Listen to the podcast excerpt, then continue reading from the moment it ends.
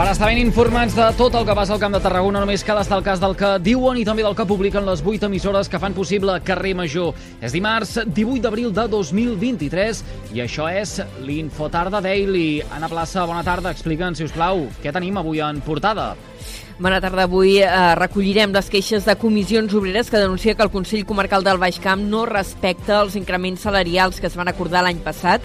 Per aquest motiu, el sindicat ha convocat una protesta aquesta mateixa tarda.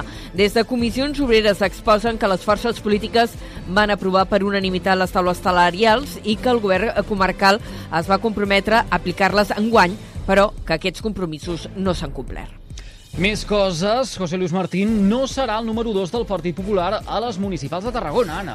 Una decisió que, de fet, suposa un canvi de cicle en la formació. Martín va ser el cap de llista ja fa 4 anys, actualment és portaveu del partit a l'Ajuntament de Tarragona i ara s'ha fet públic o avançat al diari Més Tarragona que no acompanyarà Maria Mercè Martorell al capdavant de la candidatura del PP. Aquest lloc l'ocuparà Elisa Bedrina, també regidora actualment, i que ja va ser número 2 ara fa 4 anys. També desapareix la llista, el número 3 de fa 4 anys, i també proper Alejandro Fernández, eh, recordem exregidor i actual president del PP a Catalunya, en Josep Acero, un lloc que ocuparà l'arquitecte José María Batlle. I a Torredembarra desapareix el grup municipal de Ciutadans. També moviments que hi ha a les portes de les municipals del mes que ve. En el ple d'aquest dijous, la regidora Noelia González deixarà el grup taronja i passarà a ser regidora no adscrita. D'aquesta manera, Ciutadans desapareix de l'Ajuntament de Torredembarra després de gairebé 8 anys de presència. Durant aquest mandat també han abandonat el grup municipal Antoni Cruz, eh, que el va deixar ja el 2021, i Javier Ramírez, eh, que va seguir els mateixos passos a principis d'enguany i que, per cert, serà el cap de llista de Vox. Ara és Noelia González, que marxa poc, eh, poc abans eh, d'un mes de les eleccions. Carrer Major, la proximitat del Camp de Tarragona. Canviem de tema, deixem la política de banda i expliquem que la Facultat d'Enologia de la Universitat Rovira i Virgili aposta per la biodinàmica. La universitat avui ha, ha signat un conveni amb l'Associació Terra Dinàmica per unir eh, sinergies tant en l'àmbit educatiu com en el científic. En Francesc Uriel, eh, que és president de l'Associació Terra Dinàmica, anima els alumnes dels estudis d'enologia a participar en unes jornades relacionades amb aquest tema. I aquest, aquesta col·laboració, el que hem plantejat és, hi ha dues, eh, dues jornades que considero que són claus perquè eh, la gent vegi el que hi ha de la biodinàmica, que són les jornades de preparats, que és una, es fa el, la primavera, l'altra la tardor. Crec que és, és, és molt interessant per, a més a més és molt eh, tàctic, per dir-ho manera, i crec que és una, una proposta interessant per a ells. A més, dins del marc del conveni que s'ha signat avui, es crearà una beca per a l'alumne que faci el millor treball de final de grau relacionat amb la biodinàmica. Més coses. Torna l'experiència de periodista amb un format renovat.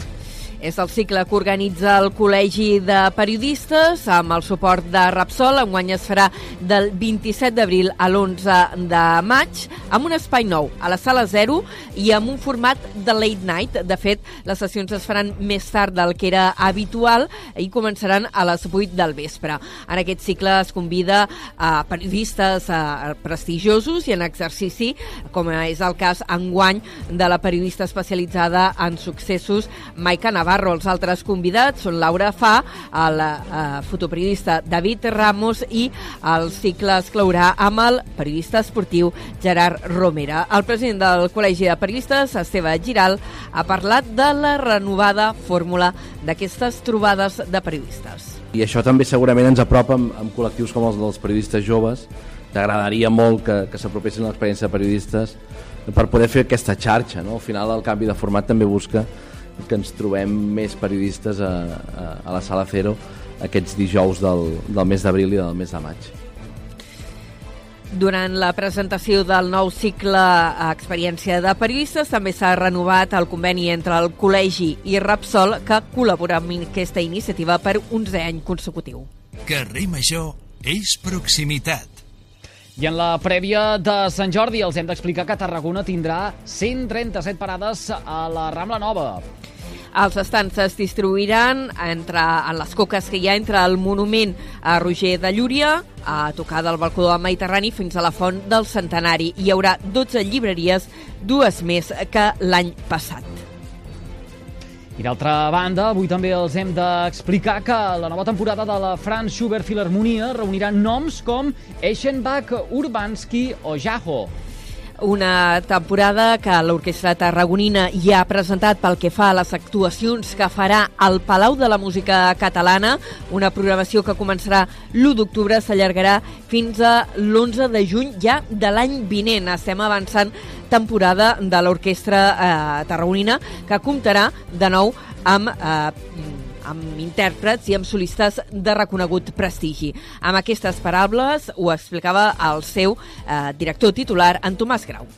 Doncs ja són 12 anys de temporada sinfònica de la French Filharmonia al Palau de la Música uh, i estem molt contents aquest any de fer un, un pas més en, en la invitació a artistes internacionals i ja no només solistes sinó també aquests grans directors uh, que puguin aportar quelcom diferent a l'orquestra i que puguin deixar un concert memorable pel públic. La temporada de l'Orquestra Tarraonina de la Franz Schubert al Palau de la Música Catalana eh, s'obrirà amb un concert dedicat a la segona part a la Sinfonia número 9 del Nou Món de Borja, una temporada que porta el lema Emoció entre línies. Carrer Major, fent camp de Tarragona. Va, que dit tot això hem de conèixer quin temps ens espera de cara a les properes hores. Connectem amb el Servei Meteorològic de la xarxa de comunicació local. Lluís Midret, si us plau, explica'ns.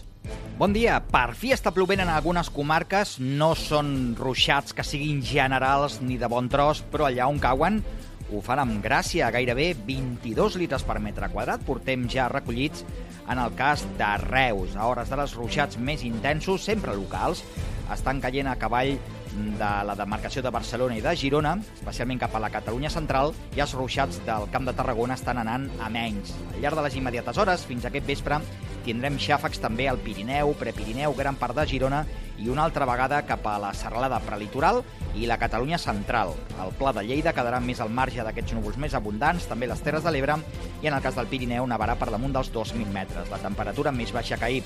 Demà un temps molt més tranquil, força assolellat, al matí alguna boira cap a les comarques gironines i demà tornarà a tirar cap amunt la temperatura. La tarda serà molt més suau que la d'avui. Anirem seguint a la xarxa. Ara sí, doncs ho deixarem aquí a la plaça. Gràcies per aquesta pinzellada informativa amb el més destacat de la jornada del Camp de Tarragona. Que vagi bé. Fins després. Fins després. I tots vostès poden recuperar l'Infotarda Daily d'aquest dimarts 18 d'abril des de les xarxes socials i també des dels respectius serveis de ràdio a la carta a les 8 emissores que cada tarda passegen plegades pel carrer Major. Gràcies, com sempre, per seguir-nos.